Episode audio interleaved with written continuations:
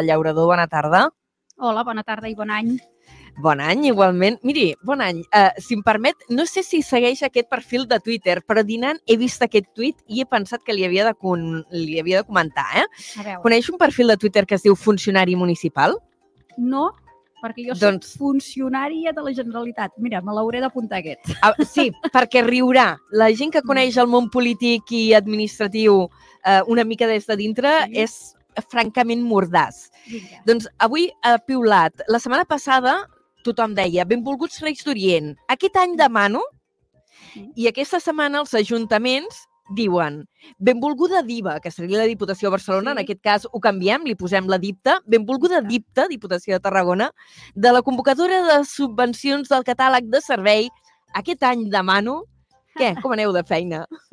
Doncs, escolta'm, és un paral·lelisme ben bo, eh? L'hauré de seguir, aquest, aquest tuit de, del funcionari municipal, perquè és cert que les diputacions, i en el cas doncs, que em correspon a mi la Diputació de Tarragona, és un suport molt important, un puntal molt important per als ajuntaments, eh, per la cartera de serveis que efectivament tenim, pels ajuts econòmics que també doncs, eh, atorguem, per les assistències tècniques i, per tant, una mica de paral·lelisme de les diputacions amb els tres Reis d'Orient eh, podria ser. En, en lloc de tres n'hi ha quatre aquí, eh?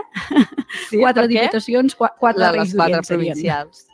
Um, això de demanar diners. Dèieu, uh, i ara anem repassant una mica les qüestions de- d'actualitat que, que ens porten o que ens remeten a la Diputació. A la tardor presentàveu uh, un projecte o una iniciativa que, que vau batejar amb el nom d'Impuls Dipta per Mm. facilitar uh, la relació amb els ajuntaments. Dèieu que l- el vostre objectiu era reduir un 75% els tràmits administratius, Mhm. facilitar aquesta reunió, ja que la Diputació, un dels seus papers eh, fonamentals és aquest suport a, al món local. Ara que ja han passat dos o tres mesos des de que vau presentar-ho, com, com està funcionant? Bé, encara no està en funcionament. Vam fer la presentació. Primer calia doncs, eh, també aprovar els pressupostos per començar a dotar doncs, aquesta nova eina de cooperació que significarà un abans i un després. Jo sempre ho dic eh, de la manera que tenim de relacionar-nos com a Diputació amb els diferents ajuntaments i que ha estat sobretot fruit d'escoltar els alcaldes, les alcaldesses, els regidors i regidores, aquest món local, de quines són les necessitats eh, que tenien en relació amb la Diputació i sobretot un reclam que era bastant unànime de dir hauríem de mirar de simplificar al màxim els tràmits perquè sobretot en ajuntaments molt petits en què sobretot els tràmits els acaben fent doncs, possiblement els mateixos regidors, regidores, els alcaldes i les alcaldesses, doncs segons com participar en convocatòries d'ajuts, de subvencions, no només de la Diputació, sinó també d'altres administracions en les quals poden concórrer, representa realment un treball molt feixuc. I, per tant, si trobàvem un mecanisme que ho pogués simplificar i que poguessin assolir doncs, els mateixos recursos i les mateixes assistències, però d'una manera molt més simplificada, doncs hi guanyàvem tots, perquè estàvem parlant d'aproximadament una seixantena de convocatòries de subvencions, la Diputació mateixa rebíem unes 9.000 sol·licituds dels més de 184 municipis que, que tenim a la demarcació. Per tant, realment havíem de fer un pas endavant en aquesta tramitació més fàcil, més senzilla i, sobretot, respectant molt la- l'autonomia dels ajuntaments, l'autonomia local, perquè és evident que els ajuntaments són els que saben de primera mà quines necessitats tenen en el territori, en el seu municipi, i per tant, doncs, escoltant-los amb ells i, i fa, facilitar-los i al màxim poder accedir amb aquesta cartera de serveis que, que té la, la Diputació i crec que ens en sortirem. Ho posarem en marxa en breu i el que farem doncs, seran unes taules bilaterals entre la Diputació i els ajuntaments per tal que ells sàpiguen eh, a l'inici, pràcticament, del mandat, amb quins recursos compten per part de la Diputació i, per tant, que puguin planificar ja sigui les inversions que volen dur a terme en els seus municipis, ja sigui també doncs, un, un percentatge de despesa corrent que també els hi fa falta i que també hi poden accedir a través de, de la Diputació. Jo crec que serà, com et deia, eh, un abans i un després i, i que serà molt ben valorat per tots els ajuntaments perquè busquen això, sobretot, simplificar la burocràcia, eh, que és una cosa que, que és recurrent, no només entre els ajuntaments, sinó probablement també entre la ciutadania. Eh, de fet, aquí anava jo, perquè a banda de fer aquesta tasca de suport als ajuntaments, la Diputació també eh, té unes importants línies de subvencions a entitats, entitats esportives, culturals, a l'àmbit social, i quan aprovau els pressupostos també una de les coses que vau manifestar és que eh, volíeu facilitar l'accés a aquestes línies de, de subvencions i avançar-ne la resolució, no? perquè enguany, per exemple, i ara ja par, eh, li plantejo un cas personal, formo part d'una entitat de, de Vilaseca que ens va arribar la subvenció eh, per programar teatre a finals d'any i dius, ostres, però ara, si ara ja tenim eh, tancada la programació, no? I et trobes amb, amb desajustos sí. d'aquests. Això se pretén corregir. Exacte, és el fet de poder disposar ja doncs, de les partides corresponents a l'inici de, de l'exercici per tal de que les convocatòries surtin molt abans, això en el cas de les entitats. Eh? Els ajuntaments ja et dic, anirem per aquesta altra via, que és un mitjà de cooperació i que, per tant, va per una altra via. Eh? Però pel que fa a les entitats, doncs, convocar el més aviat possible per tal doncs, de que eh, puguem resoldre també quan abans millor i que les entitats, doncs, si bé segurament han d'avançar els diners uns mesos abans que no hagin d'esperar eh, doncs, massa més eh, per tal doncs, de, de cobrar la subvenció per part de la Diputació. En som conscients perquè doncs tots els diputats i diputades que som a la Diputació som regidors, regidores, alcaldes o alcaldesses dels ajuntaments. Ens passa el mateix en els ajuntaments en relació amb aquestes entitats i quasi tots també, poc o molt, estem vinculats amb entitats i, i sabem de les dificultats que les entitats doncs, també també tenen i hem d'empatitzar-hi i hem de facilitar la vida, que per això també estem, que ja és prou complicada de per si, no? Déu nhi eh, Parlant d'aquests pressupostos, els vau aprovar a principis del mes de desembre, pujaven més de 200, eh, ho dic de memòria, eh, en més de 200 eh, milions d'euros, em sembla que 208. Sí, 208, sí, sí. Eh, amb un increment del... perquè no m'ho havia apuntat al guió, dic, tiraré de memòria perquè sóc així de xula. Vas bé, vas bé. Eh, S'havien incrementat un 10%. Eh, gràcies a què és possible aquest increment? Bé, amb la, bàsicament els ingressos ens venen per la participació en els ingressos de l'Estat i doncs, eh, aquesta vegada també això ens afavoreix i per tant tenim més ingressos a, a través de la participació de, de l'Estat, com et deia, i això ens permet doncs, a, a augmentar. Però també també percebem algun tipus de, de preus públics, de, de tarifes, doncs, perquè tenim també eh, equipaments com els centres d'educació especial, els conservatoris i les escoles de música, les escoles d'art i, i disseny. Això també ens donen un, una sèrie de, de preus públics que també representen uns ingressos per part de, de la Diputació i aquesta participació, sobretot, eh, positiva per part de, de l'Estat doncs, ens fa que hagi pujat, hagi incrementat eh, el pressupost i vau aconseguir una àmplia correlació de forces. De fet, hi van votar a favor eh, quatre dels cinc partits que estan representats uh -huh. ara a la Diputació, els que esteu al govern, Esquerra i PSC, per descomptat, però també vau aconseguir el suport de Junts, del PP, els únics que hi van votar en contra eh, van ser Vox. Es manté uh -huh. doncs, aquesta mena d'estabilitat política de d'harmonia, que sí. per dir-ho d'alguna manera, harmonia política que no s'aconsegueix als ajuntaments, però que fa anys que sembla que impera la, a la Diputació, tot i que eh, després de les eleccions del maig de l'any passat vau configurar un govern amb una correlació de forces diferents de la que hi havia abans. Uh -huh. És un dels nostres objectius principals. De fet, en el discurs d'investidura que vaig fer jo mateixa no? a l'inici del, del mandat, el, el juliol d'enguany, de, ho vaig dir, no? que jo treballaria per cercar sempre doncs, aquest uh, ampli consens, uh, dialogar molt, parlar, doncs, evidentment, amb tots els grups, ja siguin a l'oposició, ja siguin, evidentment, uh, al govern, perquè doncs, uh, la demarcació es mereix tirar endavant molts reptes uh, i moltes oportunitats que es generaran i, per tant, uh, diguem, la Diputació ha de transcendir una mica eh, aquest possible tacticisme que existeix més doncs, en altres administracions i pensar doncs, que tot el que es vol tirar endavant des de la Diputació beneficia el conjunt dels municipis. I, evidentment, al capdavant del conjunt dels municipis doncs, hi ha diversitat de colors polítics i, a més a més, també hem de pensar que tirem endavant eh, doncs, projectes i accions que tenen a veure, com vostè deia molt bé, en les entitats eh, culturals, socials, esportives, però també fins i tot no? amb petites empreses, microempreses o persones autònomes, per exemple, en l'àmbit cultural se m'acudeix i, per tant, eh, val la pena que aquesta gent eh, vegi que això tira endavant i requereix d'aquest doncs, consens polític. Jo crec que és una de les qüestions que la ciutadania acabem valorant més, no? que, que sapiguem eh, sobreposar-nos a interessos molt legítims a nivell de partit, però que sapiguem que allò que és estratègic que busca doncs, una finalitat última que és millorar la vida de la gent, doncs ens aconseguim posar d'acord. Això també és feina nostra, treballar per aconseguir aquests acords i tirar endavant eh, els projectes. Jo crec que aquest és el tarannà de la Diputació des de sempre, ha de continuar sent així i jo crec que també totes les persones, eh, diputats i diputades que hi són, ho tenen molt interioritzat i que, per tant, també veuen eh, molt positiu eh, arribar a aquests acords i amb aquests consensos que ha de ser doncs, eh, la tònica general. Ara has comentat una, una de la línia d'ajuts que, que té la Diputació, que, que és relativament nova, eh, perquè em sembla que va néixer, el, o, o almenys se li va donar un impuls impulsa, eh, important en l'anterior mandat, que és el mm. del suport a creadors del territori. Sí.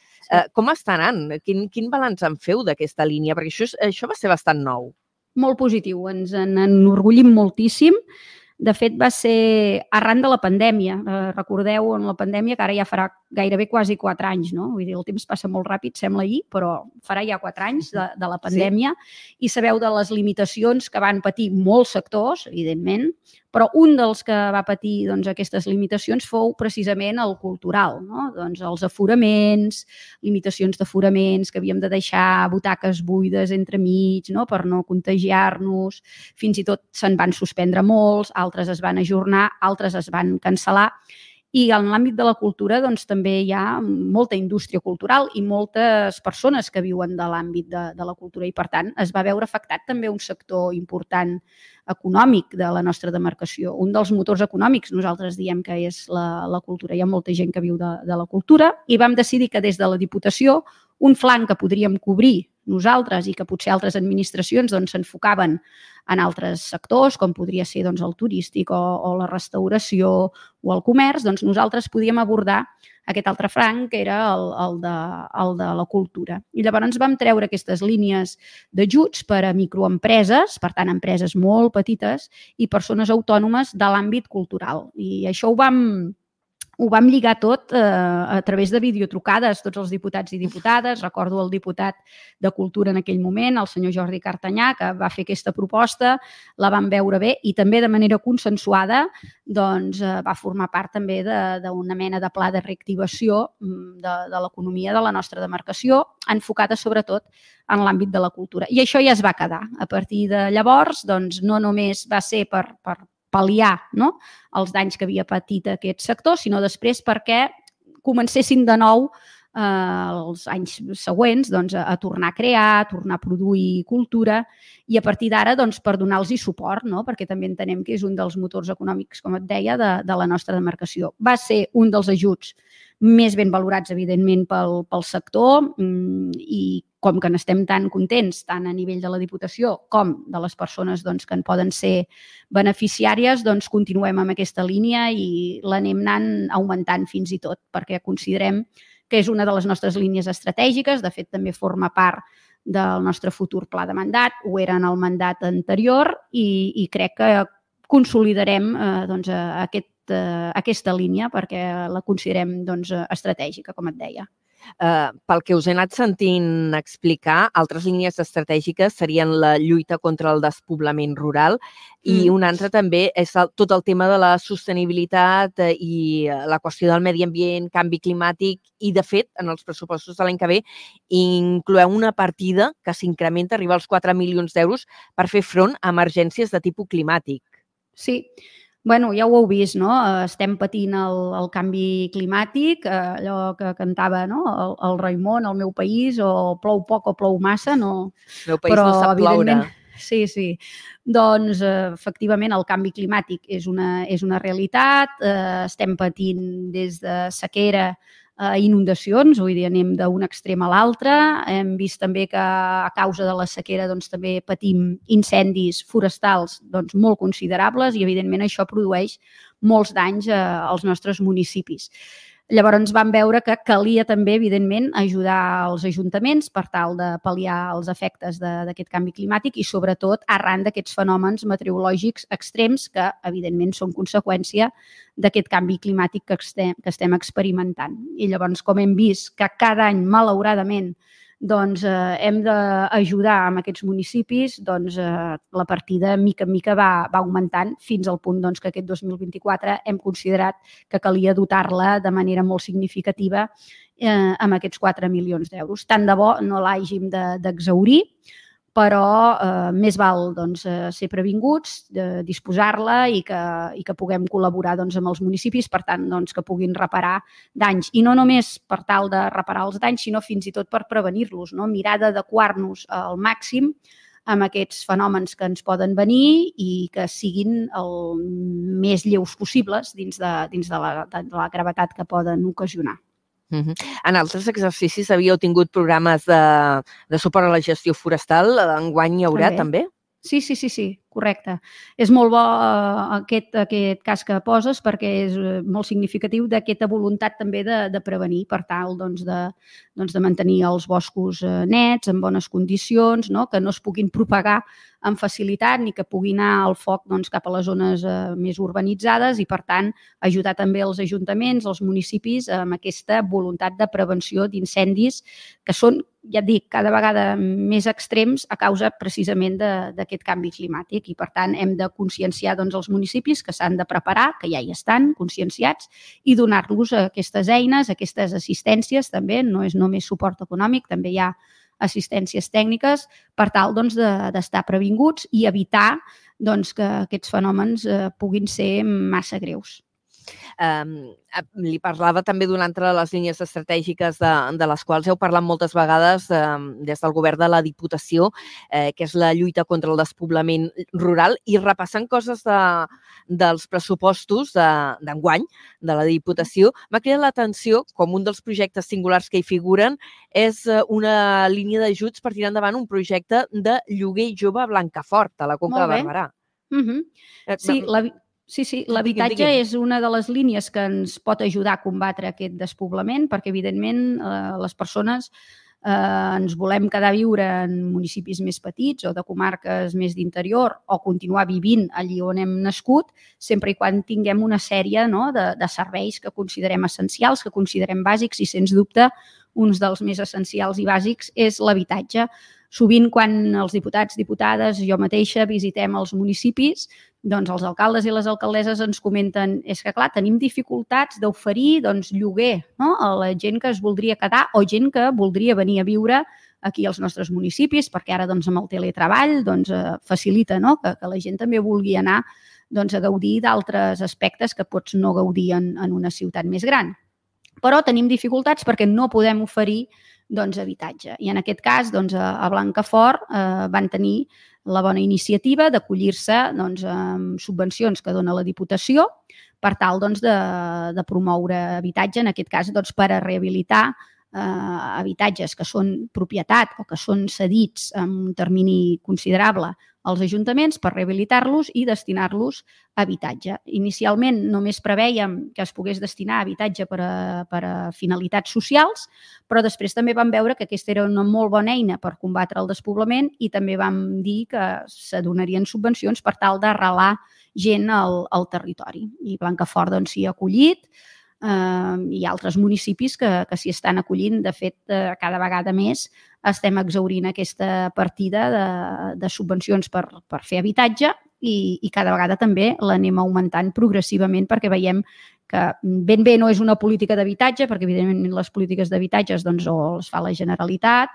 o el mateix Ajuntament, però sí accions que contribueixen a fer polítiques d'habitatge.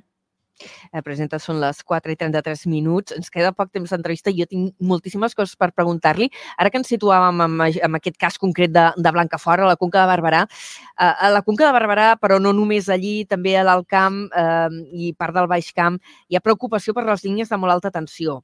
Mm. amb aquests projectes de forestàlia que travessen en part el nostre territori, el Camp de Tarragona. Mm. Eh, la Diputació eh, s'hi viu implicat presentant al·legacions. Eh, com està tot plegat?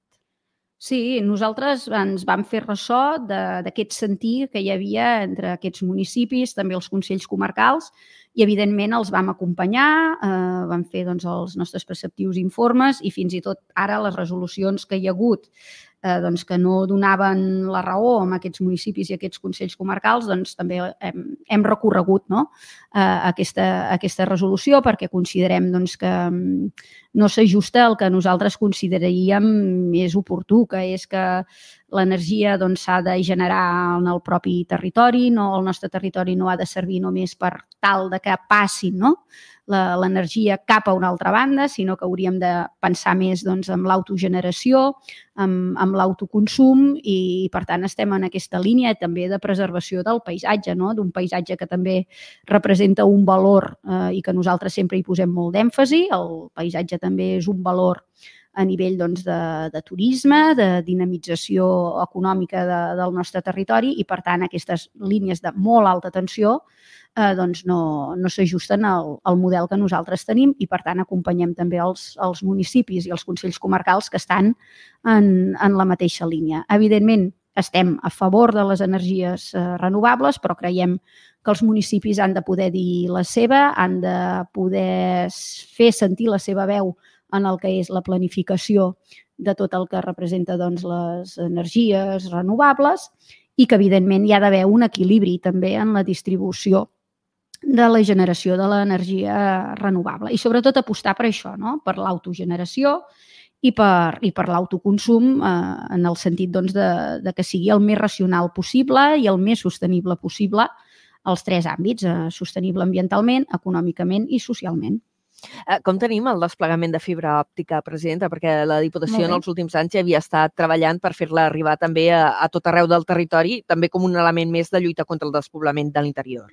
Uh -huh, efectivament. Uh, si bé uh, abans et parlava no, de, de l'habitatge com una de les eines que tenim, evidentment també les bones connexions, no només físiques, sinó també virtuals, eh, possibiliten no, eh, combatre aquest despoblament perquè permet doncs, que les empreses es puguin instal·lar, ubicar, les persones autònomes també, eh, amb independència doncs, de, de que el municipi sigui més gran o més, o més petit, sempre que estigui ben connectat i que et permeti doncs, dur a terme la, la teva activitat. I en aquest sentit és imprescindible, evidentment, la fibra òptica, amb el qual doncs, també tenim un conveni amb la Generalitat de Catalunya que vam signar en el mandat passat i que ens permet doncs, que la Generalitat de Catalunya pugui desplegar fibra òptica pública a través de les nostres carreteres. Nosaltres, en les nostres carreteres, de la xarxa de carreteres de la Diputació de Tarragona, doncs deixem eh, el pas suficient perquè hi passi un conducte i aquí es pugui desplegar la, la fibra òptica i, i connectar doncs, a tots els municipis amb independència de que sigui una,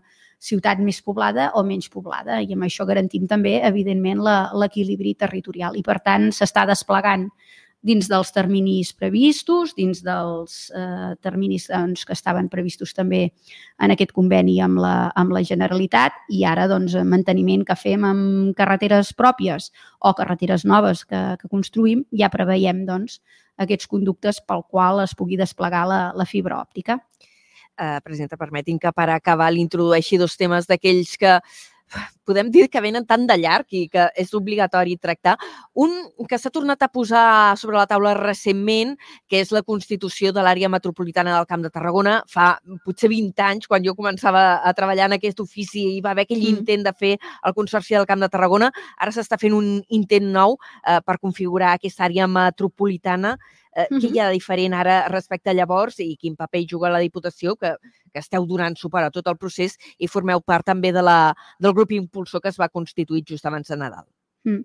Bé, doncs ara, mm, més que començar per la forma que hauria de tenir aquesta àrea metropolitana, eh, ens hem centrat molt en per a què volem que hi hagi aquesta àrea metropolitana i la finalitat és millorar la vida de la gent que vivim no? amb, eh, amb aquesta zona, no? amb aquest territori que inicialment doncs, compta amb un grup impulsor on hi ha els set municipis eh, que formaven part diguem, de, del pla director urbanístic metropolità del Camp de Tarragona, que serien les dues ciutats més grans, Reus i Tarragona, Constantí, la Canonja, Salou, Vilaseca, i, i llavors ja en tenim set. I llavors també hi hem afegit en el grup impulsor el municipi de Valls, perquè eh, en àrees metropolitanes eh, també es parla molt del que són les àrees urbanes funcionals. I les àrees urbanes funcionals són aquells municipis que tenen relació eh, pel que fa a aquestes dues ciutats més grans, en el nostre cas, perquè com a mínim un 15% de la població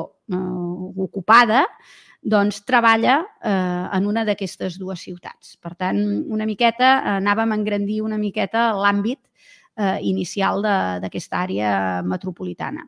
Sabem o intuïm, més que saber, eh, que tenim una sèrie de relacions, comportaments metropolitans pel que fa a la mobilitat, pel que fa als estudis, pel que fa, doncs, com et deia, anar a treballar o també, per exemple, en qüestions eh, d'oci, però necessitàvem tenir dades més objectives, dades amb un cert rigor eh, acadèmic que efectivament determinessin que sí, que aquí hi ha una sèrie de relacions, de vincles, de fluxos que es poden considerar a nivell doncs, eh, més acadèmic eh, metropolitanes. I un cop hàgim determinat que efectivament doncs, hi ha aquests fluxos eh, metropolitans entre aquests diferents municipis al voltant d'aquestes dues ciutats més grans, haurem de veure doncs, aquest comportament com de ciutat única pot afavorir la planificació de les polítiques públiques en, en aquest àmbit, en aquest torn, o en entorn o aquesta prestació de, de serveis comuns.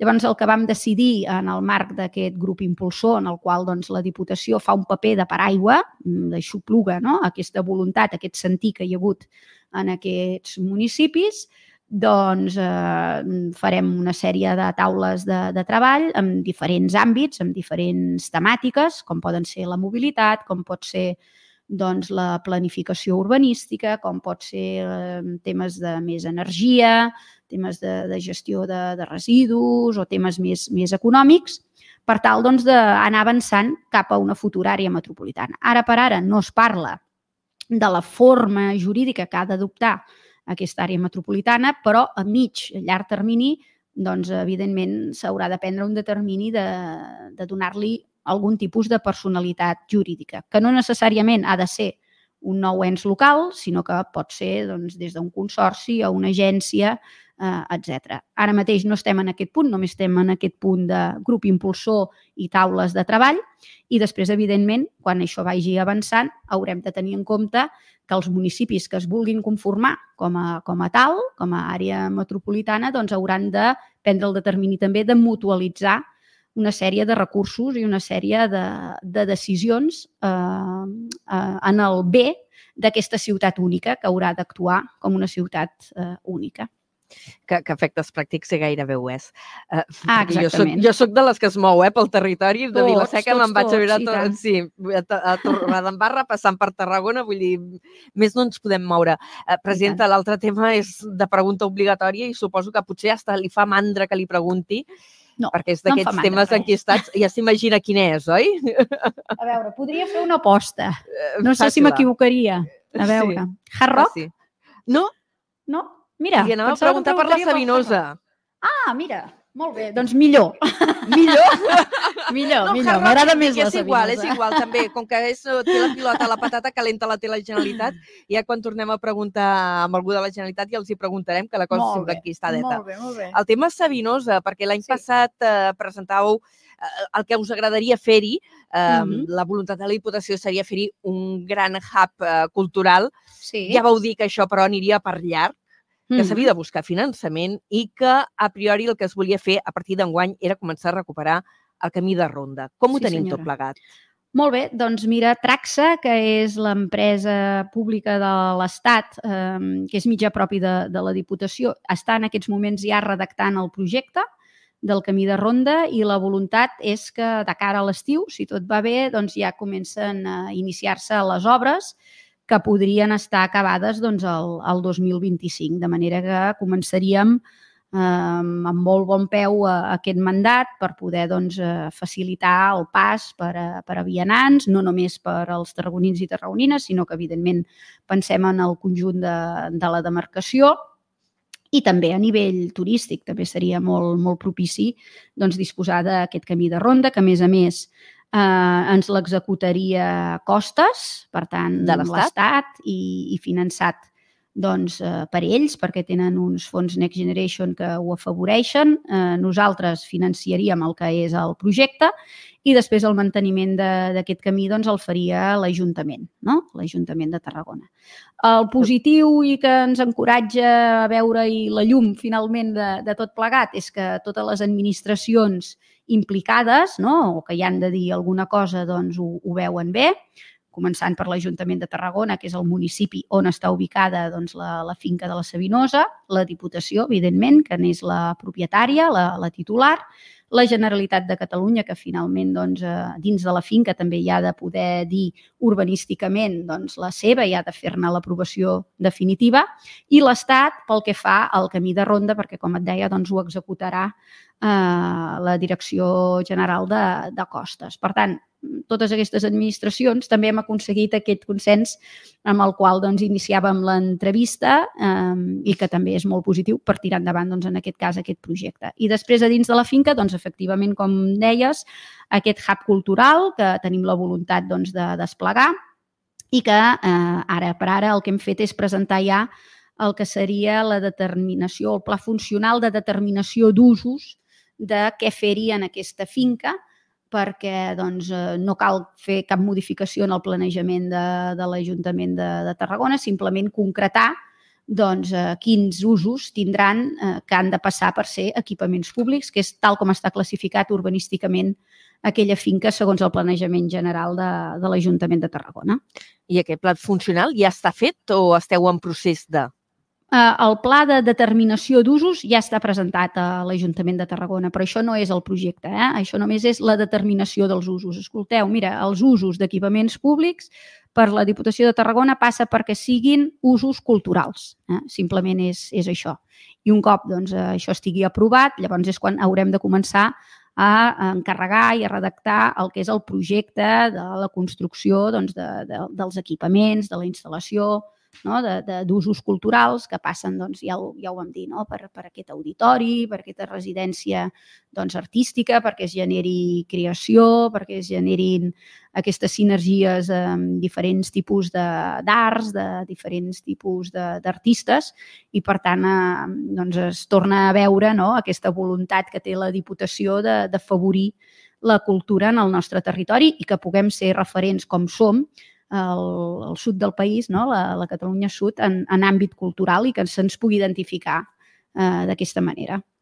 Això va més a, a llarg termini i com que va més a llarg termini segurament tindrem ocasió en altres programes de tornar-ne a parlar amb la, amb la presidenta de la Diputació de Tarragona que ens ha acompanyat eh, avui a Carrer Major. Li agraïm moltíssim la confiança que hagi vingut al programa i com que ens ha quedat coses del tinter ja, ja la tornarem a convidar un altre Molt dia. Molt bé, gràcies, gràcies a vosaltres. Eh, serà un plaer. Moltes gràcies. Fins la propera. Gràcies, Déu. Fins la propera. Carrer Major, el